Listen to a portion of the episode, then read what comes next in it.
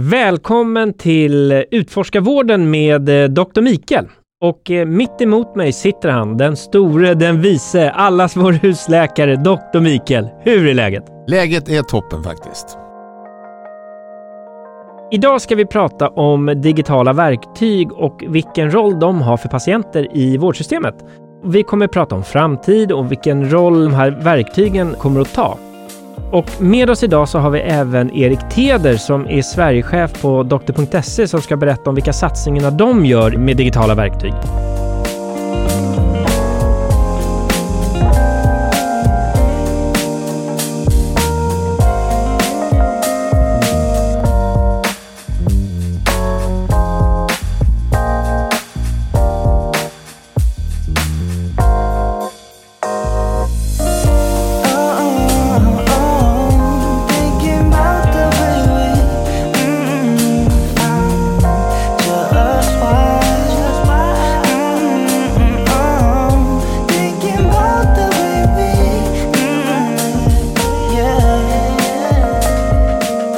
Som vi alla säkert vet så poppar det upp allt fler digitala verktyg, dels inom vården men dels för oss vanliga patienter.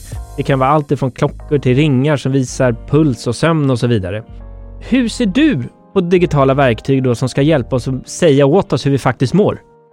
Jo, jag tycker att det är en oundviklig eh, del av att utvecklas, eh, att vi kommer att eh, bli mer och mer engagerade. Det gillar jag. Mm. Jag har haft patienter som när man frågar om hur mår de och hur mår du?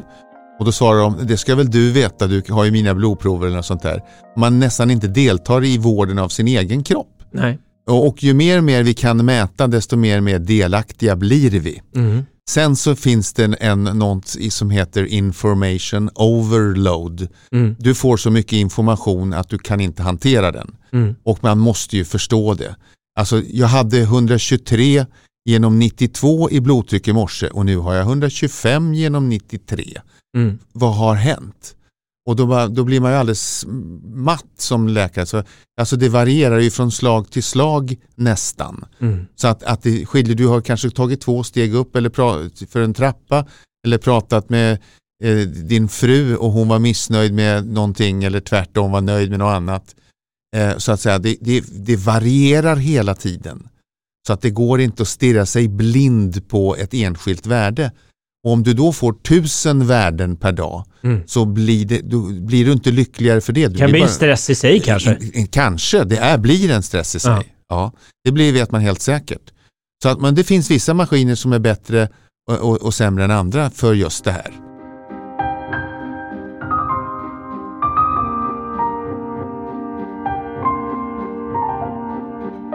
Om vi nu, vi var ju inne här och pratade om, om eh, fettmätning och hur man kan göra det. Man har ju genom årens lopp gjort med bara med, så, som en tång, en kaliper, Mm. en tång.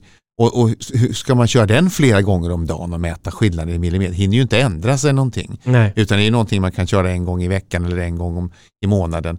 Men det finns ju andra modernare verktyg där. Men jag bara Mm. säger det här med att vissa saker eh, kanske man inte ska göra hela tiden. Men det finns ju några, en del då. Vi har ju en uppsjö här.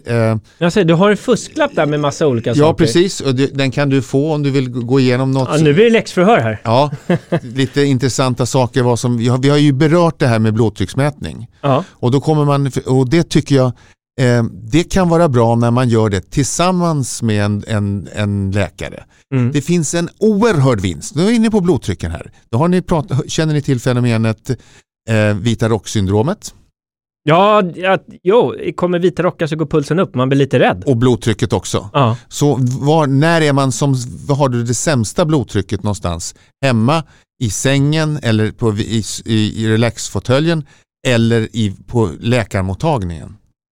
Läkarmottagningen såklart. Ah. Det här är en fråga, det här är jag lite nyfiken på. Jag har eh, en, eh, det är ingen fara, det är stabil, en medfödd njurnedsättning Ja. som inte påverkar mig alls i vardagen. Men en gång i kvartalet får jag åka ut till Huddinge på njurmedicin Mm. och då får man sitta i det där väntrummet i sådana små bås, så går sjuksköterskor så ska man ta blodtrycket. De vill att man ska ha lågt blodtryck. Ja. Och det är ju inte den bästa miljön för att göra det.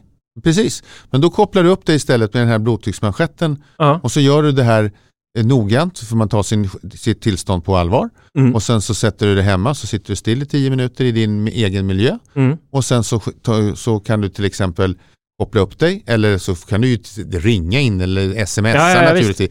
Men vilket system man använder sig av eh, kan vi ju låta vara. Men det, Men- finns, det finns någonting, ett stort värde. Kan man boka tider till sin doktor på nätet? Eh, det är inte helt okänt. Nej, eller så hur? kan man väl för fasen Ja. skicka ett blodtryck också. Ja, nej men eh, kul att du säger det, för att till nästa gång jag ska dit så vill de att jag ska ta det innan själv. Ja, Eh, Och- så att jag måste fixa ja. en sån här mätare. Vad gör man det?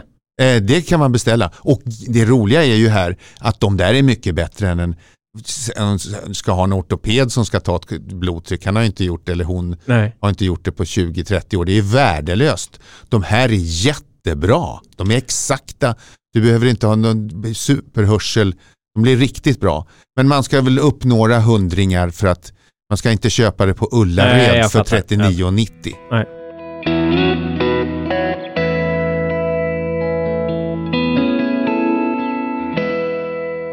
Och när man talar om mätare så många diabetiker måste mäta olika saker ganska frekvent. Ja.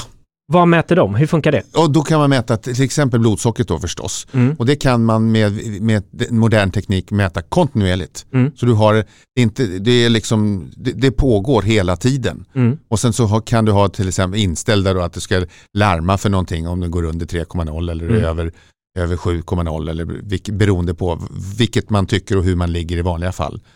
Eh, Och sådär. Men det är ju också intressant därför just diabetiker är känsliga för blodtrycket och där ska man ha lite hårdare krav. Så att här finns det en hel del att göra med, med eh, utvecklingen och det blir ju fantastiskt mycket bättre. Man kan ju, för de som sköter det här på, eh, på ett korrekt sätt kommer ha samma livslängd som Mm. en person utan Mm. diabetes. Mm. Så Men- där finns det fantastiskt mycket att vinna. Men och en, en diabetiker, kan de ta sig en nubbe? Ja, det kan de. Eh, Men det är kanske inte är så bra. Eh, yeah, det beror sig på en nubbe gör nog ingenting. Det beror på när man gör det. Eh, principen är följande. Levern gör socker. Mm. Eh, det- gluconeogenesen kallas det här. Vi kan alltså producera socker. Vilka jag brukar le när jag hör folk som är allergiska mot socker. Eh, då liksom bara, aha, mm, Mm. du får ta det som eh, läsa på lite här va. Men du, levern gör socker.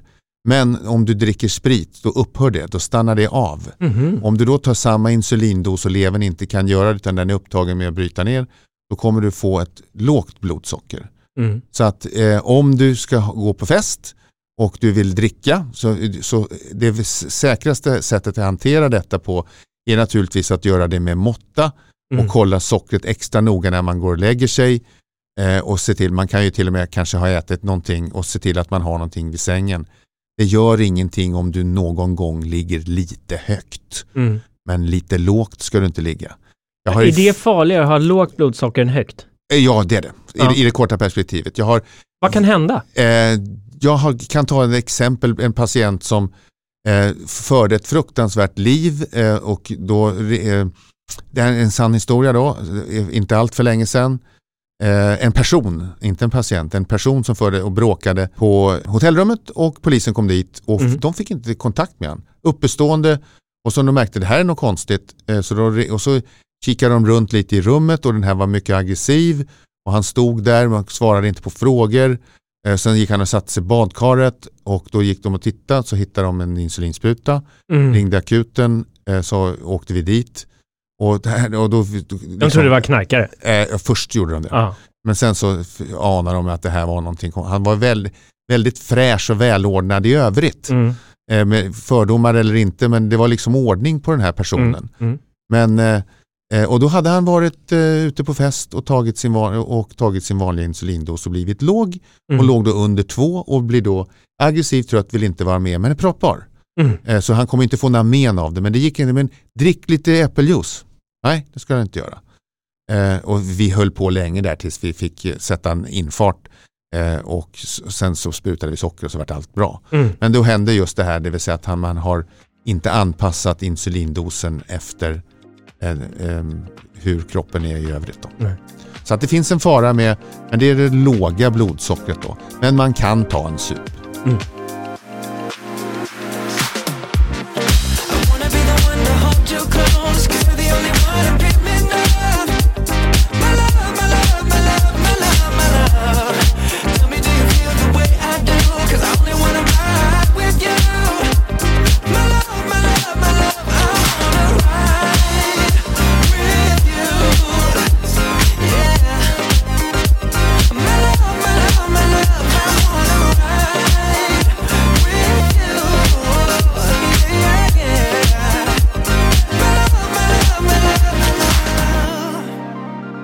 Men finns det någon mätare tror du som alla kommer använda i framtiden?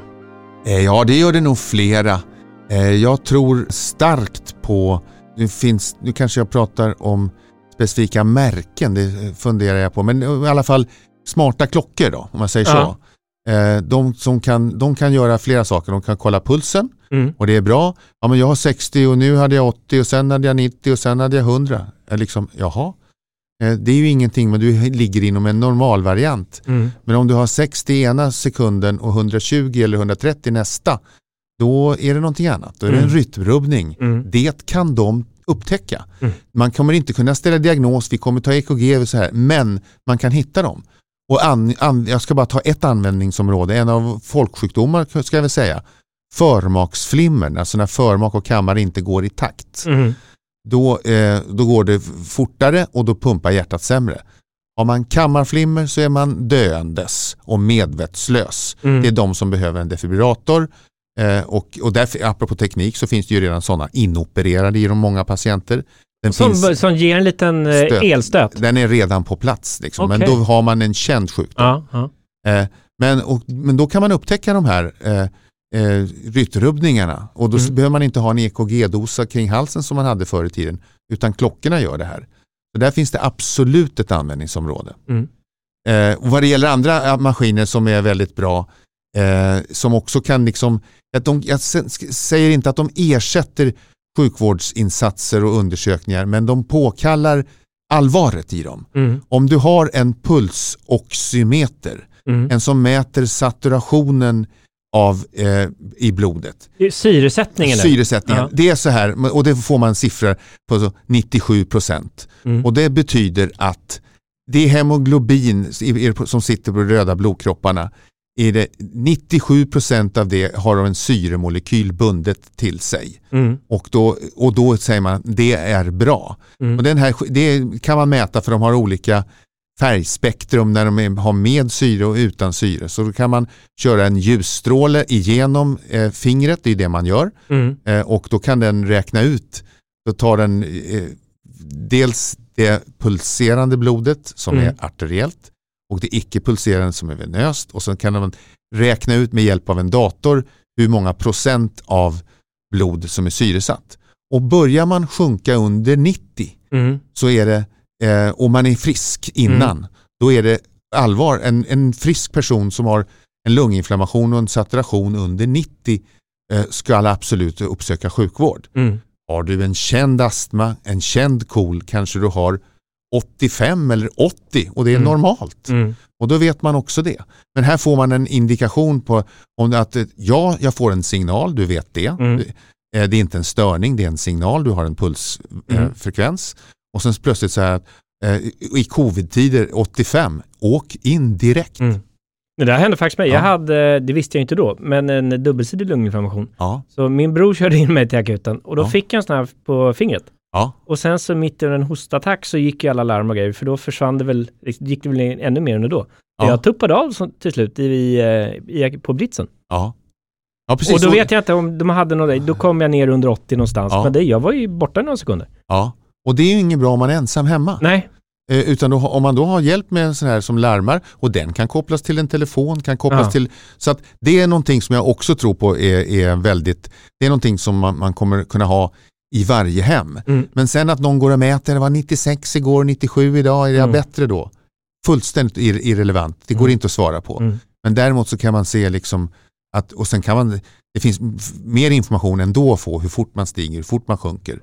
Men just det enskilda värdet att man hade 92 och 93, det, spelar mindre roll. Men det är en fantastisk uppfinning.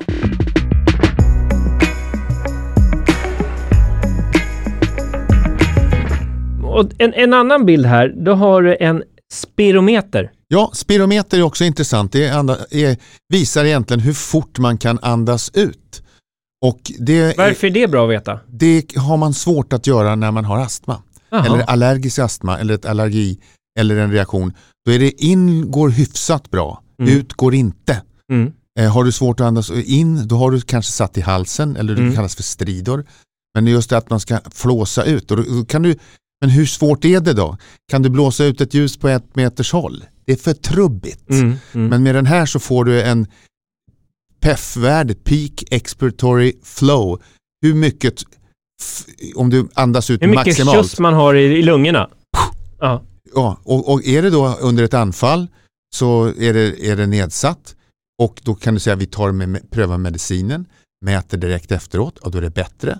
Då kan du ställa diagnos för att om du har ställt rätt diagnos och gett rätt behandling så får du rätt svar. Mm. Men om du har behandlat någonting så blir det inte bättre. Då var det fel diagnos. Mm. Så att här finns det mycket att göra och det här används redan. Mm. Men att man får bättre sånt, sånt där, och det är ett sätt att sköta sina obstruktiva lungsjukdomar. Eh, och återigen det är det här med att koppla upp allting måste inte ske på sjukhuset. Nej. Första gången naturligtvis. Ja, kanske. ja visst. Men, sen- man skulle kunna ha sådana doser hemma i princip. Oh ja, det är det många Ja. som har också. Ja. Eh, Men man kan ju koppla upp dem och så, man, man, det finns ytterligare information. Så spirometer tror jag har framtiden för sig. Och har man ett lågt värde där, kan det i sin tur påverka syresättningen? Ja, verkligen, den går ner då.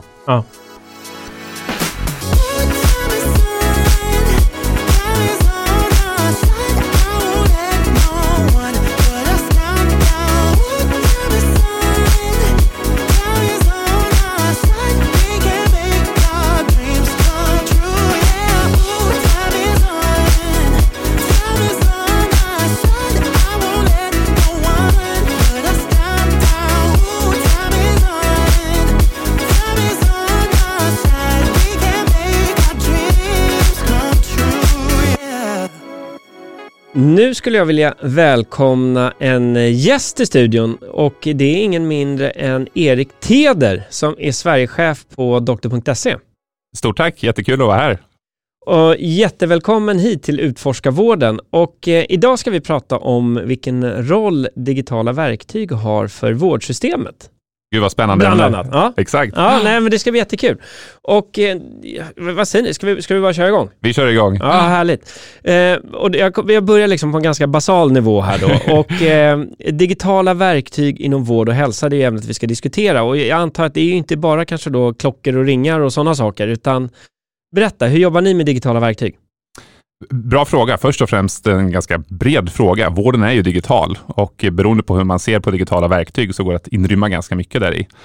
Vi är ju en eh, innovativ vårdgivare som bedriver tillgänglig och nära vård och vi försöker också att nyttja alla de verktyg som står till, eh, står till hands oavsett om de är digitala eller inte. Mm.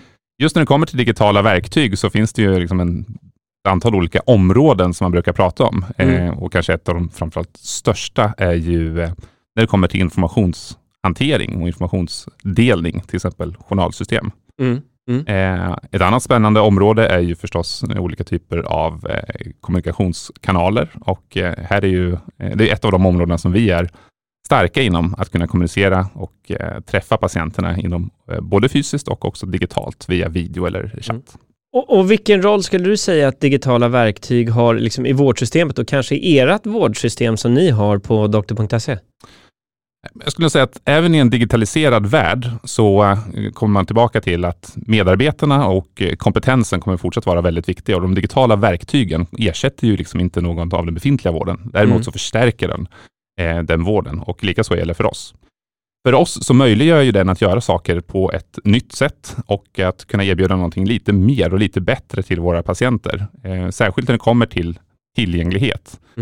Som du nämnde så är ni väldigt innovativa och gillar att liksom testa nya, nya saker. Och jag läste på mig lite innan om er att ni har börjat med en e-patch. Just det! Vad, vad är det? E-patch, det är en eh, fantastiskt spännande produkt som kommer från Philips. Okej. I, I korthet så är det en produkt som spelar in ditt EKG över en lång tid, så att över en veckas period. Eh, Långtids-EKG helt enkelt. Långtids-EKG, eller Holter som det kallas också. Jaha, ja. Eh, och då kanske lyssnaren här tänker, ser framför sig liksom någon form av kylskåp, eller liksom väldigt stor avancerad ja mecka. men jag, jag ser framför mig att den ligger på en brits uppkopplad i Ja. princip. Och, och det är det som är så spännande här också. Det här är ungefär som ett plåster som du sätter på ditt bröst. Aha. Eh, så det är inga sladdar och man kan leva precis som vanligt och du kan duscha och idrotta med den här e-patchen. Vad häftigt. Det är häftigt. Ja. Och varför har ni den? Eller erbjuder ni den? Eh, anledningen till att man gör ett sånt här långtids-EKG kan vara av lite olika anledningar, men till exempel för att man då vill titta på om man, om man har symptom för ett förmaksflimmer och då vill Mm. då under en lång period titta på eh, om det föreligger just eh, förmaksflimmer. Och är det att man har oregelbunden puls då eller hur? Ja, precis. Ja. Om man tittar på som hur det ser ut i landet idag, så många patienter går och väntar på den här typen av undersökning. Ibland mer än sex månader. Och Mhm. Det kan leda till ganska allvarliga konsekvenser om man inte hittar ett, just ett sånt här förmaksflinger, till exempel eh, stroke. Så det är av stor vikt att Mm. med eh, snabb diagnos och handläggning. Spännande. Eh, Om man kollar på er då på doktor.se, hur, ni har ju då fysisk vård som nämnde, ni har digital vård. Kommer ni flytta in i hemmen nu också och ha någon form av distansvård, eller hur?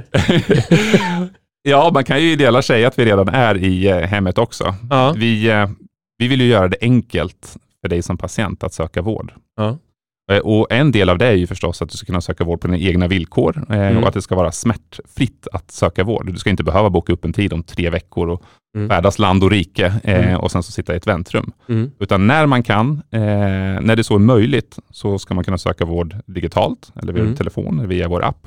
Och när det behövs, så fysiskt då via våra vårdcentraler. Eh, och sen så vill vi också komplettera de här erbjudandena med olika typer av eh, digitala verktyg. Till exempel den här e-pers då, som hjälper oss att eh, sätta en diagnos. Mm.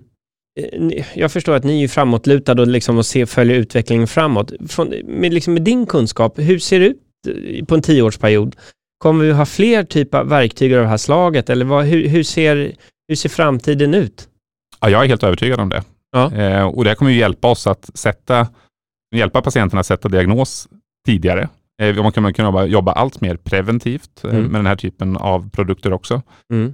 Allt eftersom att man ser att den här typen av produkter, liksom användningen av den här produkten verkligen tar fart, så Mm. kommer också kostnaden per undersökning att gå ner. Mm. Och vi kommer också kunna koppla det här tillbaka till digitala verktyg, till våra befintliga, eh, om det är telefoner eller andra typer av eh, system som vi har i Mm. vården. Man kan säga att allt det här handlar ju om att använda de begränsade resurser vi har på ett bättre sätt. Och- Eller mer effektivt sätt. Precis så. Nu blir jag nyfiken här. Har ni några andra sådana här spännande verktyg på gång som ni kommer kunna lansera snart? Eller liksom hur, hur ligger ni fram i, i forskningen av, av nya verktyg? Ja, det är bra att du fiskar lite grann. Vi har Ja. några spännande idéer på gång som jag tyvärr inte kan dela riktigt här dock. Eh, Kan du dela kanske vilka sjukdomar de är inriktade på att monitorera? Ja, Det rör sig ju om liksom de stora kronikergrupperna eh, kan man säga krasst. Ja. Ja, ja. Time will tell. Precis. Ja.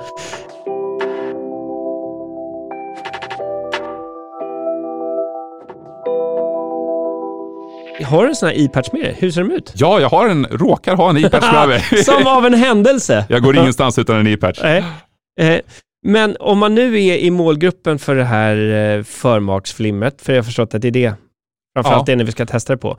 Eh, Hur gör man då om, eh, hur kommer man i kontakt med? Hur kan man få ta del av en sån här? Av den här e-patchen?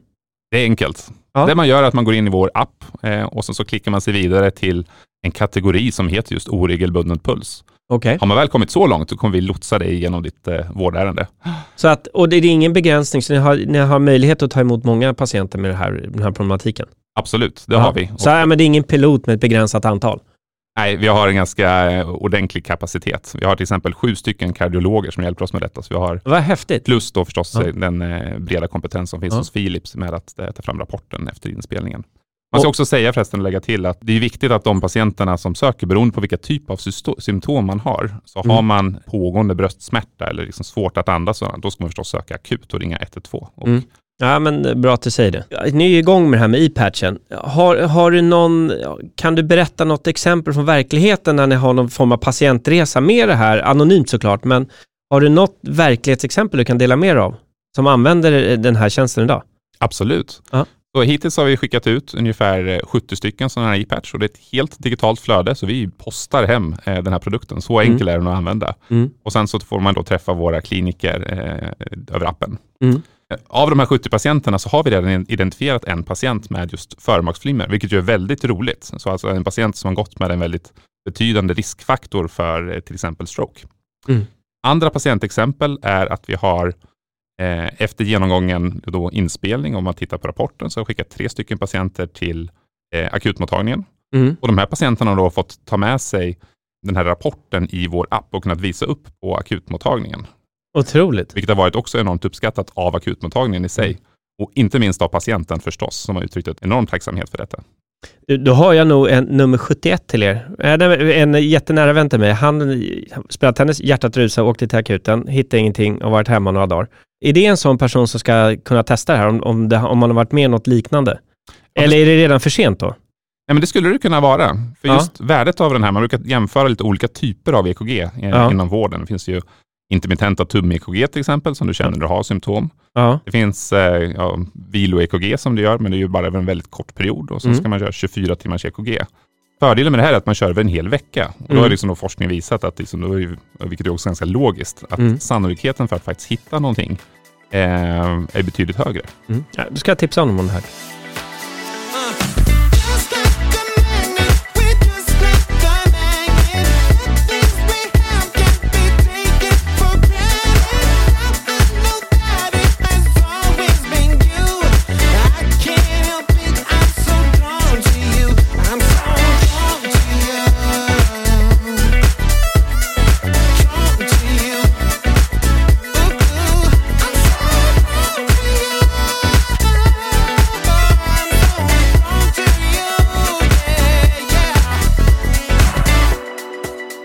Så, nu har du framför dig eh, din e-patch och en instruktionsbok med hur du då fäster denna. Det här är ju superenkelt. Precis, man börjar på ett och sen så bara arbetar man sig neråt genom Ja. eh, instruktionsboken. Det här, det här kommer ju ta max någon minut att sätta fast. Okej. En klisterlapp och sen så sätter vi den i mitten sa vi. Precis. Det var inte så svårt. Sådär. Det gick ju under en minut. Ja, det är ett Ja. klistermärke, mer eller mindre. Ja. Nu har man på sig den i en vecka ungefär. ja. Eh, sen så tar man av sig den, lägger i det här kuvertet och sen så då postar man den till Och Philips. sen så analys, analyserar ni datan när den har kommit in. Precis. Ja, vad häftigt. Och sen så kallar vi då till ett möte när vi har en rapport eh, redo, så går vi igenom det med dig. Härligt. Supersmidigt. Eh, så att är, om jag bara förstått det här rätt nu, så jag ska säga till honom, gå in på appen, sök efter oregelbunden puls och sen så lotsar han sig vidare därifrån. Det stämmer. Härligt. Eh, en annan fråga som var, du nämnde tidigare att ni jobbar mycket med tillgänglighet och det är ett ord som det pratas väldigt mycket om i media. Men kan inte du ta reda på begreppen? Vad är tillgänglighet och hur jobbar ni med det? Ja, tillgänglighet, ja, det är ett spännande begrepp. Och som sagt, för oss på doktor.se så betyder tillgänglighet att du som patient, du ska kunna träffa oss eh, på dina egna villkor och snabbt. Mm. Antingen via vår app med en eh, läkare eller sjuksköterska beroende på dina behov inom 15 minuter. Mm. Alternativt på någon av våra fysiska enheter och då gärna inom 24 timmar. Mm.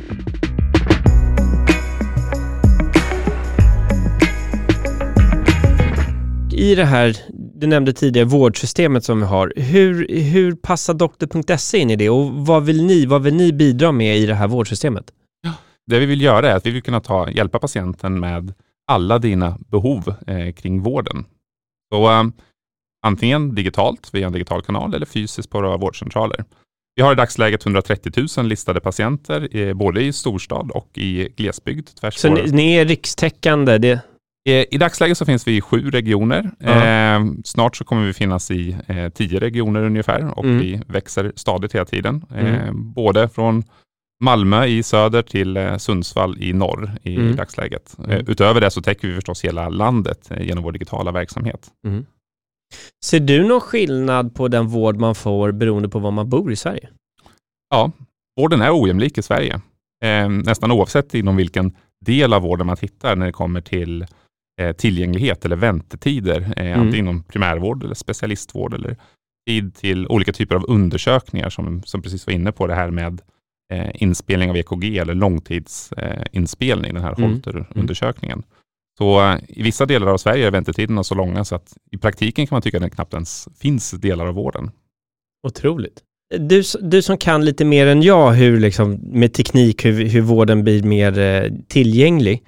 Eh, om, du, om du blickar framåt, kommer du se det som att gemene man är uppkopplad mot någonting och mäter någonting? Eller är det bara om man har symptom? Hur, hur tror du det här kommer utvecklas framåt? Kommer vi alla gå runt och vara monitorerade? Ja, jag tror vi rör oss i den eh, riktningen. Om vi bara tittar på den typen av liksom, devices som vi idag bär med oss, de Mm. flesta av oss, oavsett om det rör en klocka eller en mobil eller liksom andra typer av eh, enheter, som då fortlöpande egentligen loggar olika typer av data som, eh, som påverkar vår hälsoprofil. Och med den här datan så tror jag att vården kommer ha möjligheten att gå från att vara, som i dagsläget, ganska reaktiv. Mm. Eh, vi väntar ju på att patienten kontaktar oss i, i mångt och mycket till att vara allt mer proaktiv. Att vi Mm. kan följa mönster och sen så då se när, när det bär an åt fel håll. Mm. Spännande. det är ju väldigt spännande överhuvudtaget trend inom vården förstås. Allt det här liksom, med wearables. Och liksom, jag Mm. tror att om man tittar på vad som skulle vara nästa steg för men, eh, smartphones till exempel, som är knappt har utvecklats på tio år. Det är ju bättre kameror, men då måste det ju Mm. vara liksom, eh, som Apple Healthcare. Det, är ju, det finns ju. Alla de här stora jättarna har ju jäkligt stora, eh, liksom ganska betydande satsningar inom hälso och sjukvårdsområdet också. Mm. Använder liksom du, använder du några verktyg på dig själv? Nej. jag har min eh, telefon förstås och jag följer antal steg. Men utöver det så är jag en frisk individ. Mm. Men det där är väl en viktig del också att det får inte bli en överkonsumtion heller. Att man ska använda saker, det får inte bli för preventivt för mycket för då tar man ju upp ännu mer resurser, eller? Nej, jag, jag tror att det är en svår balans. För Ja. att allt eftersom att vården också blir allt mer effektiv med nya arbetssätt och digitala verktyg som vi varit inne på, så kan man ju också eh, erbjuda mer vård. Mm. Eh, allt annat lika. Så att jag tror att det kommer att finnas utrymme för liksom, mer vård. Eh, Mm. Samtidigt, precis som du är inne på, så det kommer ju finnas ett tak. Eh, Mm. Resurserna inom vården är begränsade Mm. trots allt.